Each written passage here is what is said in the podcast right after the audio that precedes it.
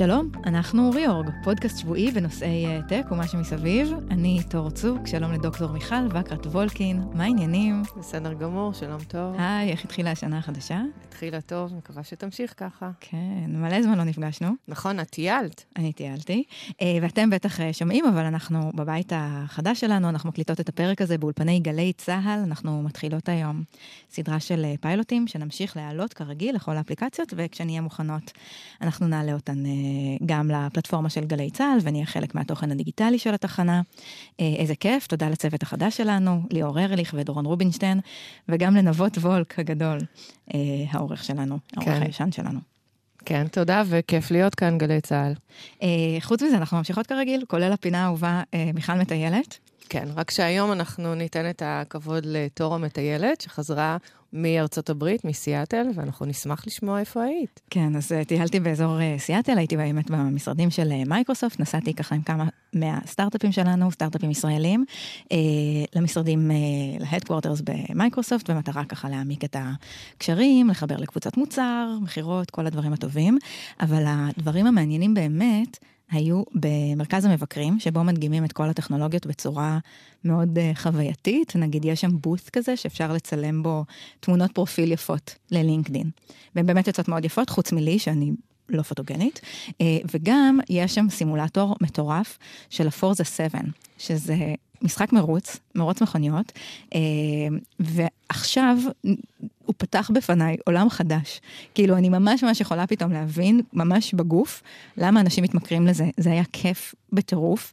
קודם כל, הסימולטור שיש שם אה, ברדמונד, במרכז מבקרים של מייקרוסופט, הוא כמובן גרסה פסיכית, עם כיסא והגה ודוושות, והכיסא יושב ככה על ארבע בוכנות, ואת ממש מרגישה אה, בגוף את הכל, ואת ההתנגדות של ההגה, ואת ההתנגשויות, כי מתנגשים חופשי, ואת ממש מרגישה את הרכב ועובדת פיזית. אני ממש הזעתי שם בבגדים המכובדים שלי.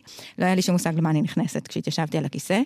ואת יודעת, בגלל שזה ממש ממש ממש לא העולם שלי, התחלתי ככה קצת לקרוא על זה, ויותר מזה התחלתי לצפות באנשים משחקים, שמסתבר שזה עולם תוכן, ש... ידעתי שהוא קיים, תוכן וידאו על גיימינג, אנשים מצלמים את עצמם משחקים, ומסבירים תוך כדי, לא רק ריוויוז, ביקורות על uh, משחקים, ממש הדבר עצמו.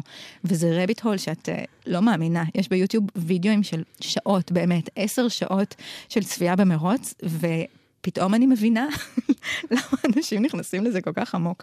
בהתחלה חשבתי שזה הסימולטור, כי אני באמת התנסיתי ככה בגרסת הפרימיום בקצפת של הדבר הזה, עם כל החוויה הפיזית, ויצאתי כאילו מפוצצת באדרנלין ובכיף וברצון ממש ממש חזק, פשוט לעוד מהדבר הזה, אבל אני חושבת שיש גם אפקט מאוד מאוד חזק לדבר עצמו, אפילו בלי נגיד ההגה והדוושות, ושזה מה שיש לגיימרים רציניים, אפילו עם אה, שלט כזה, סטיק, לא יודעת איך קוראים לזה, אה, ובעצם גם הצפייה עצמה, יש בה איזה מין משהו כזה שעושה את האפקט הזה.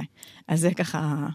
משהו. Welcome to the club tour, אנחנו שמחים uh, לקבל אותך. תשמרי עליי. אני אשמור עלייך מקרוב, אני נמצאת שם כבר, כן, מההתמכרות.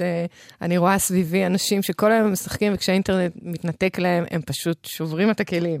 אז זה מסוכן. בואי אלינו. חוץ מזה, הייתי גם בסיאטל עצמה, בעיר סיאטל, ובאיזה סיבוב שעשיתי שם עם קולגות, הגענו למשרדים של אמזון. בעצם כל העיר, כל סיאטל היא מלאה במשרדי, במשרדים של אמזון, אבל אנחנו הגענו לבניין המרכזי שלהם, ל-day one, שבו ממוקם גם המשרד של ג'ף בייזוס, ומתחתיו בנו את האמזון ספיר, או כמו שההמונים מכנים אותם, Bezos balls, שאלה מין שלוש... ממש כיפות זכוכית ענקיות, ויש שם גם אה, משרדים וחדרי ישיבות, אבל הכל הכל מוקף בגנים בוטניים מטורפים. יש שם עשרות אלפי צמחים מ-50 מדינות שונות, וכזה אה, living wall, קיר בן ארבע קומות, שכולו מחופה בצמחייה, שזה עכשיו כזה מאוד, אה, מאוד טרנדי. יש את זה גם בצ'ק פוינט בבניין שלהם פה בתל אביב, בביצרון.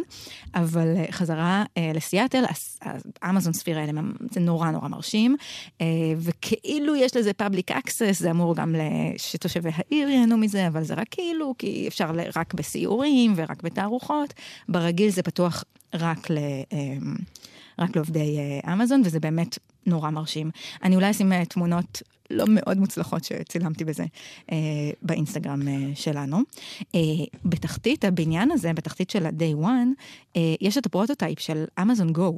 חנות אה, של העתיד, חנות שבעצם אפשר להיכנס אליה רק עם האפליקציה של אה, אמזון, עושים איזה מין check in עם הטלפון, וזהו. בזה, בזה נגמר מה שאת צריכה לעשות. את יכולה פשוט לקחת אה, מה שאת רוצה, אין קופה בסוף, אין שום אינטראקציה עם אה, אנשים, אה, הם יודעים לבד מה הלקוחה לקחה ומשלמים דרך החשבון של אה, אמזון. אז פה לא נעים לי להגיד, אני נפלתי קצת בתחקיר, כי אני לא זכרתי את הסיסמה שלי. אוי ואבוי. ולא יכולתי להיכנס, והאמת היא שזאת לא הייתה הבעיה, הבעיה המרכזית הייתה שהייתי עם קולגות אמריקאים. והם נכנסו. לא, שאת לא יכולה לנסות להתפלח לידם, את צריכה. להישאר מקצועית. אה, אז מבחוץ, אני חייבת להודות, זה נראה די underwhelming. כאילו בחיים, אם לא היו אומרים לי, אני בחיים לא הייתי עוצרת ליד זה, אה, ומבינה שיש פה איזה big deal, אם פשוט הייתי, את יודעת, חולפת ליד זה.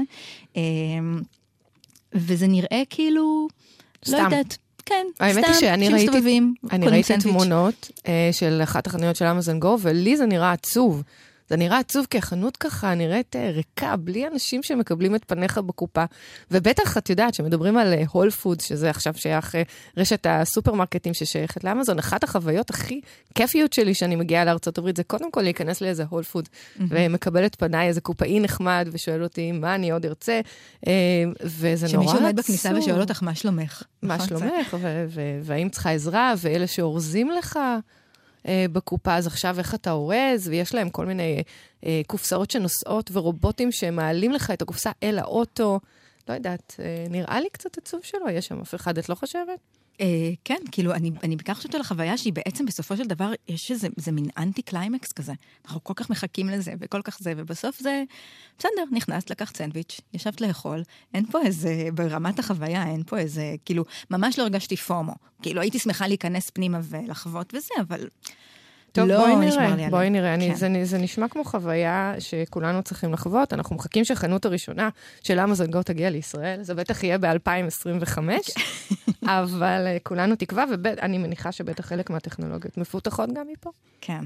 אפרופו אה, אמזון גו, 2019 כבר כאן, עם כל סיכומי השנה שעברה, והתחזיות לשנה החדשה, ואחד הדברים באמת הכי מדוברים זה כל הטכנולוגיות האלה של אה, ריטל, והטכנולוגיה שתשנה גם את חוויית הקנייה, אבל גם את כל מה שקורה עד שאנחנו כצרכניות אה, נפגשות עם המוצר, ה-supply chain, שרשרות האספקה, ניהול מלאי, למידת לקוח, ועד... פיתוח מוצרים, retail זה תחום שמאמץ חדשנות ממש ממש מהר. אה, הם חייבים, בגלל שהם מי שממצמץ שם אמזון אוכלת אותו. אה, אני עובדת הרבה עם אנשי ה retail של, אה, של מייקרוסופט, וזה באמת תחום מדהים להתעסק בו היום.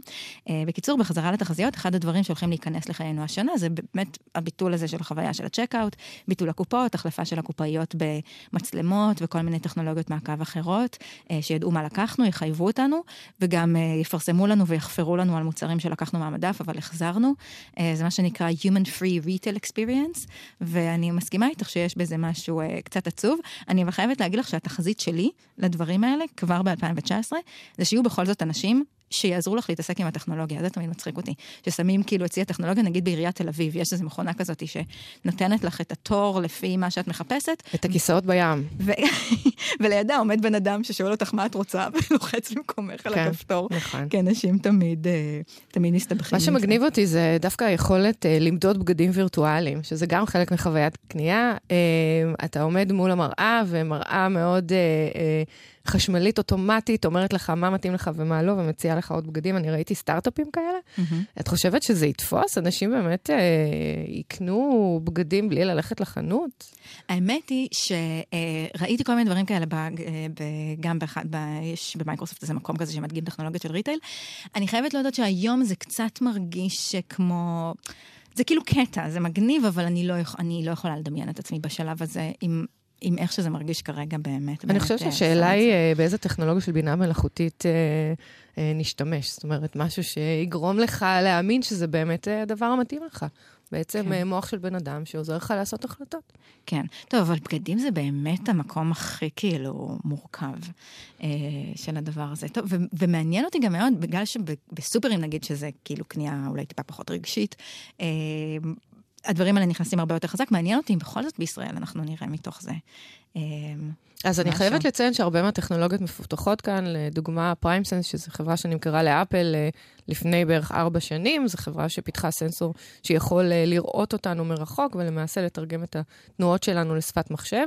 אה, חלק מהאפליקציות שלהם, אם אני זוכרת נכון, היו למדידת בגדים. נכון שבסופו של דבר אפל לקחה את זה, ואנחנו יודעים שחלק מהטכנולוגיה נכנסה לאייפון, אבל היו גם, גם אפליקציות מאוד מעניינות בתחום הריטייל. אה, כן, אז זה בהחלט מפותח פה, והם לא היחידים. יש כל מיני חברות שמתעסקות בזה היום. כן, אצלנו יש, אה, אחת החברות שאני מטפלת בה, גילוי נאות, אה, סייט, יודעת לקחת, נגיד שאני אצא להם תמונה שלך, כי היום ה outfit שלך הוא יפה במיוחד, והם יציעו לי בגדים שנראים, שנראים מאוד דומה. וזה עושה עבודה ככה, באמת הרבה דברים מפותחים פה, אבל החברות האלה, זה אחד, ה, זה אחד הסיפורים של השוק שלנו, שהמבט הוא תמיד החוצה, במיוחד לארה"ב, גם לאירופה. Uh, תשמעי עוד uh, משהו שהולך לקרות ב-2019, ב-Wall Street Journal מדברים על ה-5G, רשתות הדאטה המהירות, שממש הולכות לקרות כבר השנה בארצות הברית. ספקיות הטלפון הגדולות שם, AT&T, T-Mobile, ורייזון, ספרינט, כבר פורסות רשתות שיתחילו לפעול בערים מסוימות, כבר בחודשים הקרובים. AT&T האמת כבר עובדת בג'ורג'יה, גם באטלנטה וגם בשרלוט הרשתות האלה אה, פרוסות, וגם היצרניות של הטלפונים כבר על זה. סמסונג ו-LG הבטיחו לצאת עם מכשירים אה, תומכי אה, 5G, אבל אפל, אנחנו דיברנו על זה באחד הפרקים הקודמים, יושבים על הגדר, מחכים לראות מה יקרה. נכון, נכון. אני חושבת שזה חשוב גם לציין מה זה אומר 5G, זאת אומרת, מה יהיה השינוי mm-hmm. בין 4G ל-5G, ולמעשה אנחנו נראה אה, מעבר של אינפורמציה, זאת אומרת, אינטרנט שהוא הרבה יותר מהיר, גם בבית, גם במשרד. אנחנו נוכל להשתמש בטכנולוגיה של מציאות רבודה, שאני קוראת לה לפעמים מציאות אבודה, כי זה לא שיש לנו היום אה, את המציאות הזו קיימת, אבל כן יהיו אפליקציות בטלפון, gaming זה אחד מה, כן. מהתחומים. אה, מציאות אנחנו... רבודה, זאת אומרת, שכבה של... אה, visuals על, על המציאות שאנחנו בדיוק. רואים. בדיוק. שאתה תוכל למעשה אה, לנווט את דרכך, למש, למשל דרך משקפיים בעזרת מפה שתהיה מוצגת עליהם, או תוכל לראות בן אדם ותדע ישר מי הוא ומה אה, הוא רוצה, מה, מה שהוא ירצה לפרסם על עצמו וכן הלאה וכן הלאה. אנחנו מדברים גם על בית חכם, שלמעשה המקרר יהיה מחובר עם המחשב והתאורה והחימום, והכל צריך באמת אינטרנט יותר מהיר. גיימינג זה אחד הסיבות הכי חשובות. כדי uh, שהילדים יהיו מאושרים בבית. כדי, ואני, גם אני עכשיו. ועכשיו גם תור. ואפילו מכוניות חשמליות, וכמובן מכוניות אוטונומיות שצריכות uh, לעשות המון החלטות uh, כשהן למעשה נמצאות בחוץ.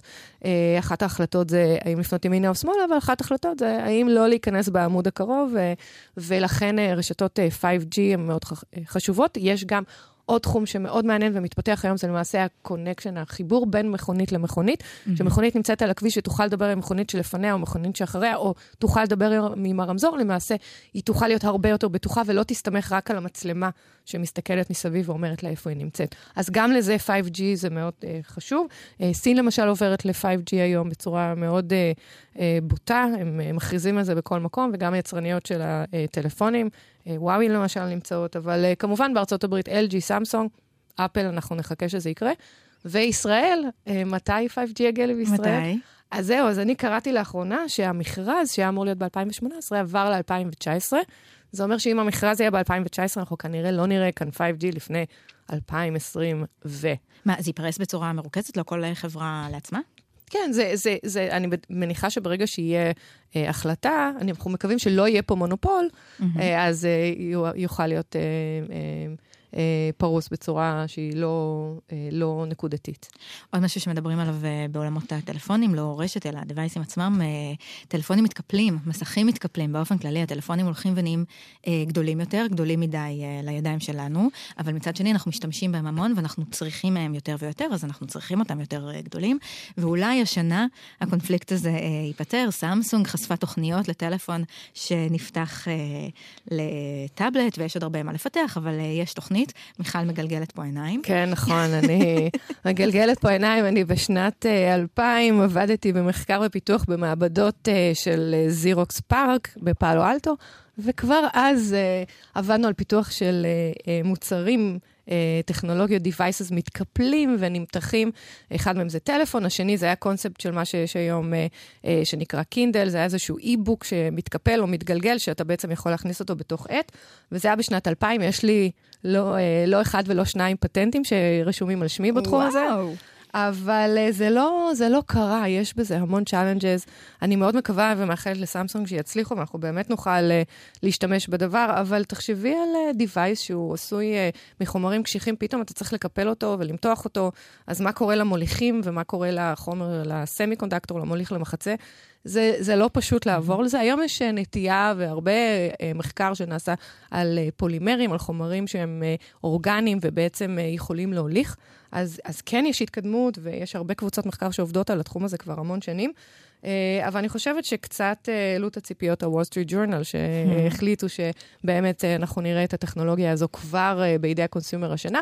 ואם כן נראה משהו, אני מניחה שזה יהיה יחסית יקר לאוכלוסייה מאוד מצומצמת שיכולה להרשות לעצמה את המכשירים האלה. אז בעצם ה-gap שיש שם היום, קצת כמו בעוד כל מיני אזורים אחרים, כמו בטריות וזה, זה בעצם טכנולוגיות של חומרים שהם לא איפה שהיינו רוצים שהם יהיו, ושם נכון. בעצם ה-challenge אז בניגוד לתוכנה, יש בתחום הפיזיקה או המדע, מדע, אה, אה, גבולות שאי אפשר לעבור אותם, וכדי לעבור אותם צריך אה, אה, פיתוח שהוא out of the box, והוא לא תמיד אה, אה, יכול לקרות. כן, אז זאת אומרת שה-Wall Street Journal קצת אה, קפצו מעליי פה. אני חושבת שהם אופטימיים, אבל זה טוב להיות אופטימיים.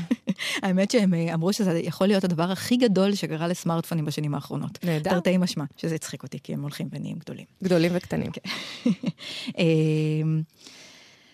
אה, עוד משהו זה שבמסגרת זה שאנחנו כל פעם ככה הולכים back and forth ואחורה וקדימה בין שני הקצוות של חישוב, בין הענן לבין חישוב אצלנו במכשיר, בין ה-cloud computing ל-edge computing, אז uh, כנראה ש-2019 הולכת להיות השנה של ה-edge. Uh, בחישוב ענן אנחנו בעצם שולחים פקודות מהמכשיר על מחשב שנמצא במקום אחר, כן? יש את האמירה הידועה ש-there is no cloud, אין בעצם ענן, זה פשוט מחשב של מישהו אחר שמחשב בשבילנו את הדברים. Uh, זה מעלה כמובן הרבה בעיות uh, מפרטיות ועד אורח חיים של בטריה, ומשאיר את המידע והכוח בחברות הטכנולוגיה הגדולות, ולא רק בגלל זה, יש עכשיו המון המון עניין ב-edge computing, ושהמוח והמידע והעיבוד ייעשה אצלנו, ב, uh, ייעשה ב, במכשיר עצמו, ואינטל ויצרניות הצ'יפים עובדים על מעבדים שמיועדים לאפשר למכשירים לעשות ויותר, ככה יותר ויותר, שתהליכי הבינה המלאכותית וכל זה יקרו ב-device עצמו, uh, שזה כאילו קשור מאוד גם לענייני פרטיות שהיו big deal ב-2018, ובטח המשיכו לככב גם uh, בשנה הבאה. אנחנו לא דיברנו על זה ואנחנו לא ניגע בזה, אבל דיברנו על זה לא מעט בתוכניות הקודמות, ויש לי תחושה שיהיה לנו עוד הרבה הזדמנויות לדבר על privacy. כן, אנחנו השנה. אוהבים את הנושא, וזה בהחלט uh, משהו רלוונטי, ו-privacy, uh, את יודעת, יש הרבה אנשים שלמשל לא ירצו להשתמש באמזון אקו, uh, בגלל שהם לא מאמינים ששומרים על הפרטיות שלהם, בעצם שמה שהם אומרים מוקלט, מועבר לענן, מישהו מסתכל על זה, מישהו מדבר ויכול לחזור אחורה, ופה למעשה, כשאנחנו מדברים על edge computing... ולא סתם, היו דברים מעולם. נכון, אה, אנחנו לא יודעים, אבל כנראה. אה, תקלות, זה אף פעם לא בכוונה, אבל במקרה הם לא מחקו את ההקלטות שלהם. במקרה, אבל אם אנחנו מדברים על אז למעשה גם אם אין אינטרנט, אה, אתה יכול אה, אה, לדבר, לקבל תשובות, גם באלקסה, גם בטלפון שלך, שאתה נמצא בטיסה למשל. יש בזה הרבה יתרונות. אם אתה מדבר על medical devices שמחוברים לאינטרנט וכל האינפורמציה עולה ל-cloud, אז אתה יכול לעשות את האנליזה במכשיר עצמו. אני חושבת שזה באמת טרנד. זה טרנד שהתחיל כבר, זה לא ש-2019 זה, זה פתאום יתחיל. Mm-hmm. יש הרבה חברות סטארט-אפ ישראליות שמתעסקות גם בצ'יפים עצמם, גם בתוכנה, גם בחומרה, ואנחנו נלך לכיוון הזה. אני חושבת שבתחום הזה, Wall Street Journal צדקו. את uh, דיברת על medical devices, על באמת על מכשור רפואי, ובהקשר הזה, uh, ככה דיבור uh, שהולך וגובר, וגם כנראה יישאר איתנו ב-2019, uh, זה שכולם צופים שה-big tech יתנפלו על תחום הבריאות uh, בשנה הקרובה. אמזון הולכים להיכנס לשוק ביטוחי הבריאות, אנחנו שומעים את זה כבר כמה זמן, גם גוגל? כן, בעניין? גוגל נמצאים בתחום ה-health כבר די הרבה זמן, ולא רק גוגל, גם מייקרוסופט, גם אפל, mm-hmm. כולם, גם חברות רכב, דרך אגב, שמדברים מדברות על אה, בואו נעשה monitoring לנהג ונדע איך הוא מרגיש, אה, אם יש לו לחץ דם גבוה. ליר, החברה שאני אה, עובדת בה, מנקדת בארץ, למשל מציגה עכשיו כזה דבר ב-CES, ולמעשה אפשר לנטר את הנהג בכל שלב כלשהו, כמובן אם הוא, אם הוא מוכן ואם הוא מעוניין. ואני חושבת שבכלל תחום ההרץ הוא תחום מאוד חזק. אני חושבת שאם הייתי אומרת למישהו להשקיע במשהו עכשיו, או להמשיך, אז זה באמת בתחום ההרס. אז יש פה כמה עניינים. יש את תחום המדיקל דיווייסס, ודיברנו על יותר כוח מחשוב, cyber security, אנחנו מדברים על IoT ומכשירים שהם מחוברים, יש פה יתרון מאוד גדול. לדוגמה, אתה מתחבר מהבית, חולה, במקום להיות בבית חולים, יכול להיות monitored מהבית שלו. למעשה כל ה-signals האלה יכולים להגיע ישירות מהבית אל הרופא. אנחנו מדברים על מרפאות חכמות, במקום לחבר אותך ל-EKG, אתה עובר דרך מכשיר שלמעשה contactless, ללא מגע, יכול לעשות לך scanning, ואתה בעצם קורא את ה-EKG של הבן אדם. וביקרתי בכזאת חברה בארץ שמפתחת סוג של device כזה. אנחנו מדברים גם על... שעושה EKG. קונטקטלס, כן. וואו, כאילו את פשוט לא צריכה לעשות שום דבר, ואת מקבלת תוצאות כן, של... לגמרי. מדהים. ואנחנו מדברים גם על מכשירים שהם יהיו יותר זולים, זה יהיה פה איזושהי הקלה למערכת הבריאות, בעיקר בארצות הברית, שהיא סובלת מ... ובארץ, מחוסר תקציב. אנחנו מדברים גם על מחקר בתרופות. זה נורא מעניין, קראתי כתבה של ביל גייטס, כתב ככה לסיום השנה, mm-hmm. והוא דיבר על איזה דברים הוא עשה ואיפה הוא רוצה למקם את עצמו השנה.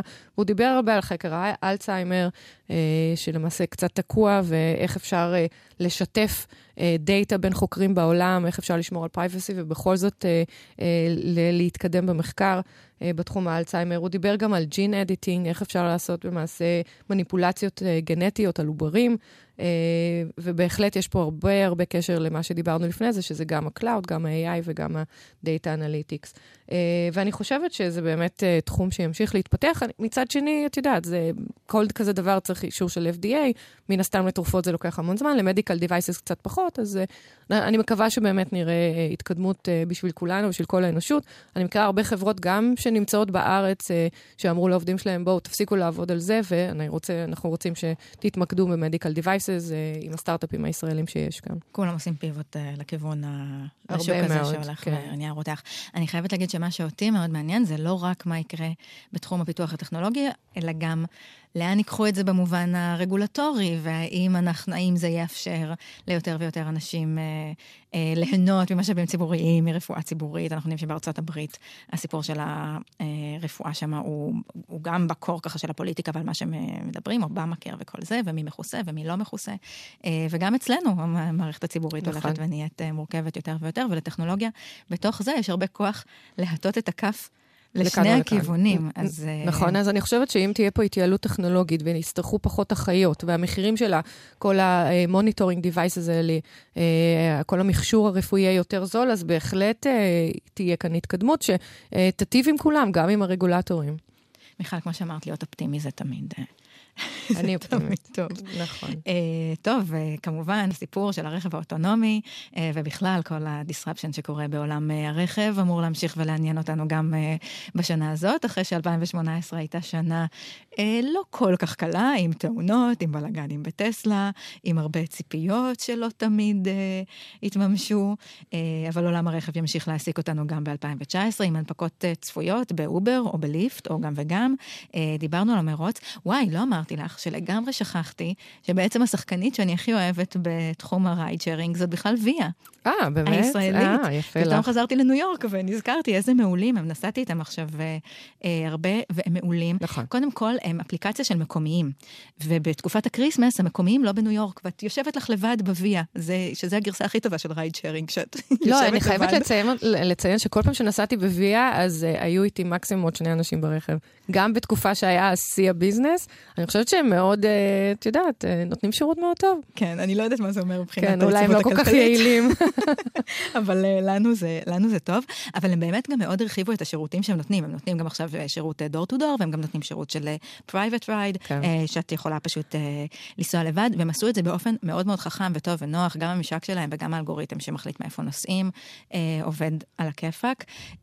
היה שלב שהם הורו לנהגים לשים מוזיקה קלאסית. אז זאת באמת נכון. הייתה חוויה כזאת, שנכנסת מהטירוף של מנהטן לתוך רכב לבד. איזה מרצדס שחורה אה, שיש לה ריח טוב ומוזיקה קלאסית, נכון, אני מאוד אוהבת. נכון, יש לה גם תמיד ריח טוב. כן, אבל אני חושבת שבמנהטן בכלל יש, אה, יש הרבה עבודה של ה...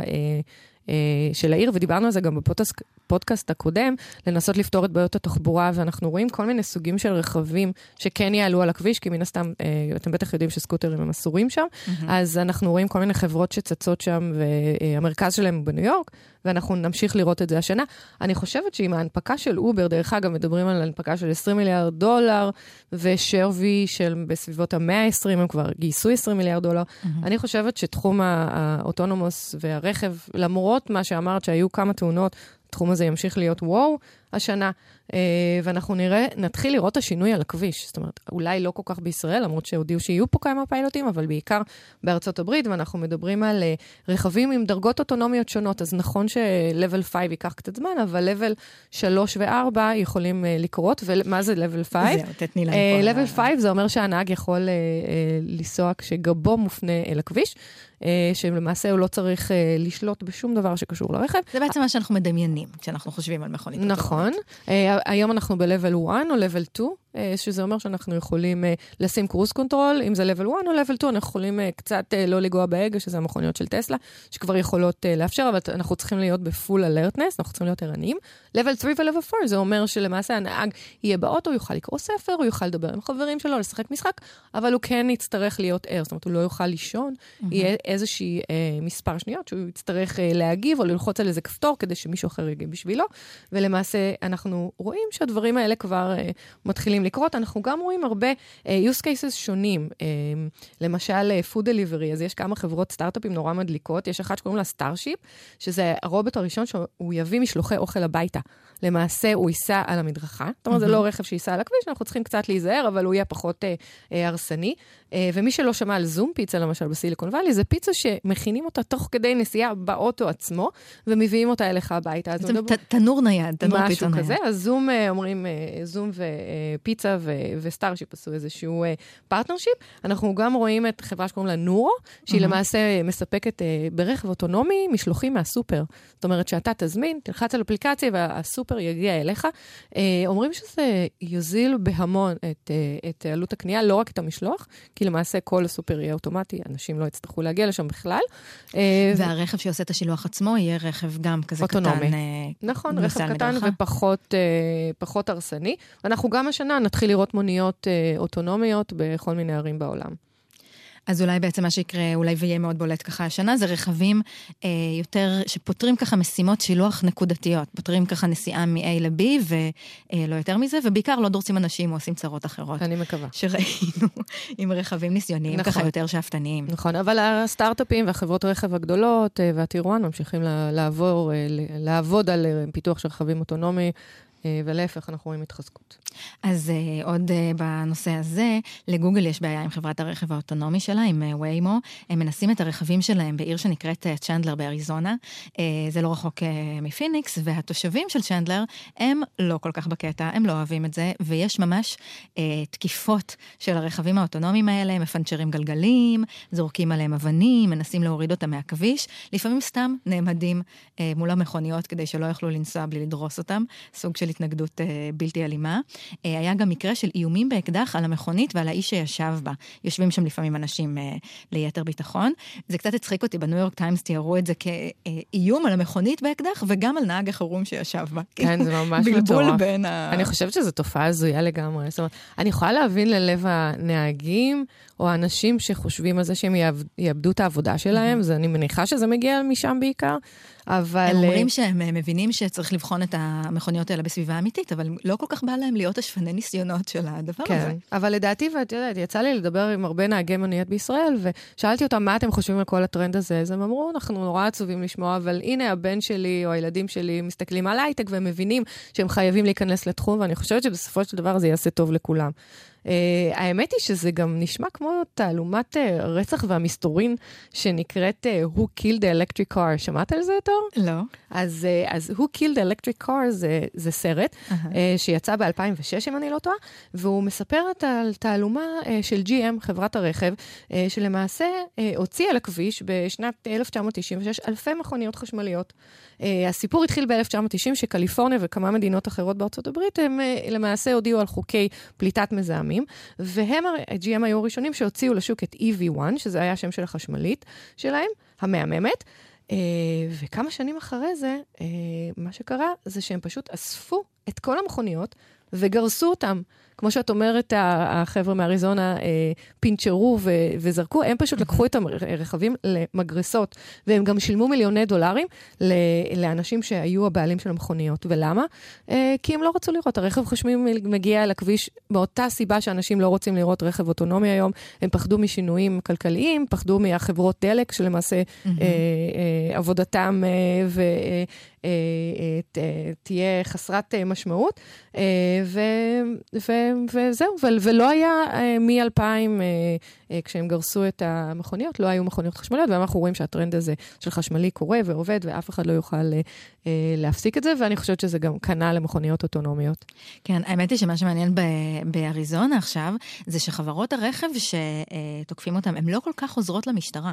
הן לא מעבירות צילומים, למרות שהרי כל הסביבה שם מתועדת בווידאו כל הזמן. זה מאוד קל להעביר דברים ככה מאוד מרשיעים. הן גם לא מרגישות אה, אה, תלונות על תקיפות של כלי הרכב, אה, אה, יודעת, מילא על המכוניות, אבל תוקפים שם גם את העובדים שלהם, וגם על זה הם אה, לא מגישים תלונות. הן מנסות בעצם להקטין את הלהבות, אין להם עניין לייצר עוד חיכוך עם הסביבה, ומי שזה כן חשוב לו, זה השלטון המקומי.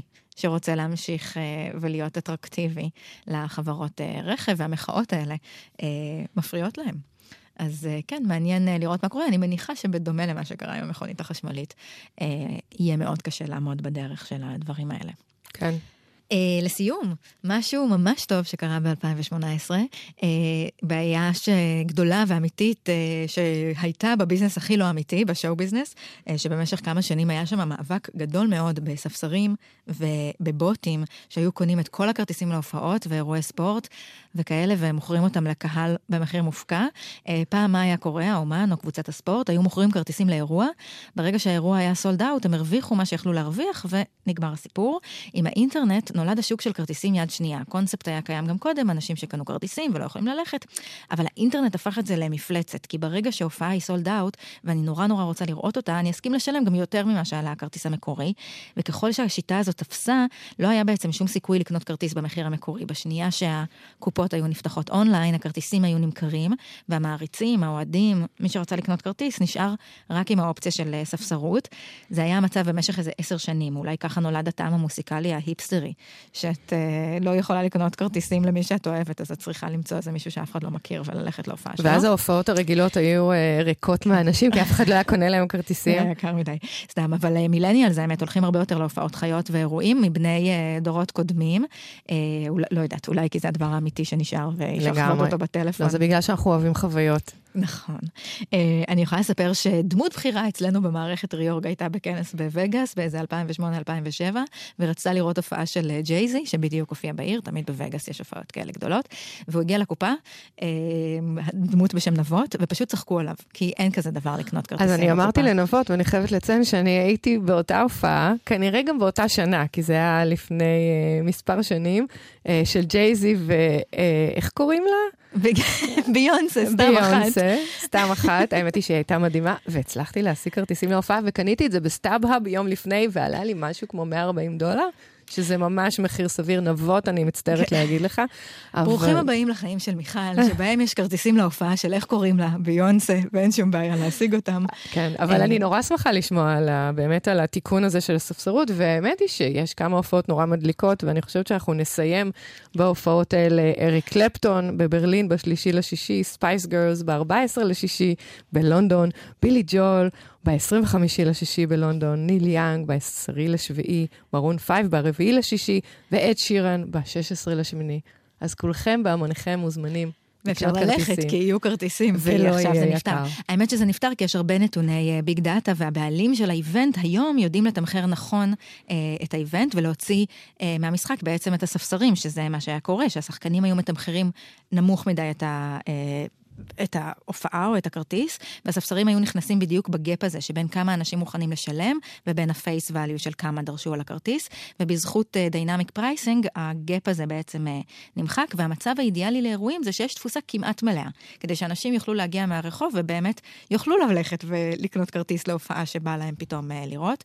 גם האומנים הרי רוצים לראות בהופעה את המעריצים האמיתיים, לא סתם uh, השירים שיכולים פשוט uh, להרשות לעצמם את המחירים המופקעים, אז העולם הזה של תמחור המכור מהאינטרנט הגיע סוף כל סוף לעולם של האופליין, וכולם פחות או יותר מאושרים. צריך להגיד שהמעריצים כן ככה מתלוננים על השיטה של ה-true fan verification, הטכנולוגיה הזאת שמאפשרת לנו באמת להבין מי את, והאם את באמת אוהבת את ביונסה וכמה את מעריצה, לפני שמחליטים האם, האם מוכרים לך כרטיס או לא. ואנשים רעים, או בעצם בוטים, אין להם נוכחות באינטרנט, כי הם, הם נולדו עכשיו. אנשים אמיתיים קיימים באינטרנט, יש איזשהו דיגיטל פוטפרינט שקיים. כן, אני רק מקווה שהבוטים לא יהיו אנושיים, שזה גם משהו שמדברים עליו ב-2019, שרובוטים יתחילו להיות אה, אה, בעלי רגשות, מחשבות ובחירות. ופוטפרינט. אה, אז בואו נקווה שזה פחות יקרה ב-2019. עד כאן הפרק הזה של ריאורג. תודה שהייתם איתנו. תודה רבה, דוקטור מיכל וקרת וולקין. תודה לתור צוק. אנחנו נהיה פה גם בשבוע הבא, ותודה רבה לצוות גלי צה"ל, ליאור ארליך ודורון רובינשטיין. תודה לנבות וולק הגדול, העורך שלנו. תודה למאזינים שלנו שהצביעו לנו בגיק טיים. היינו מועמדות לפודקאסט השנה, ריאורד, נכון. וזכינו בהרבה נקודות. אנחנו ממש ממש מודים לכם. למרות שלא זכינו, אבל שנה הבאה, 2019, זאת השנה שלנו. אנחנו עוד יחסית חדשה. אני מרגישה את כן. זה. תודה. ביי. ביי.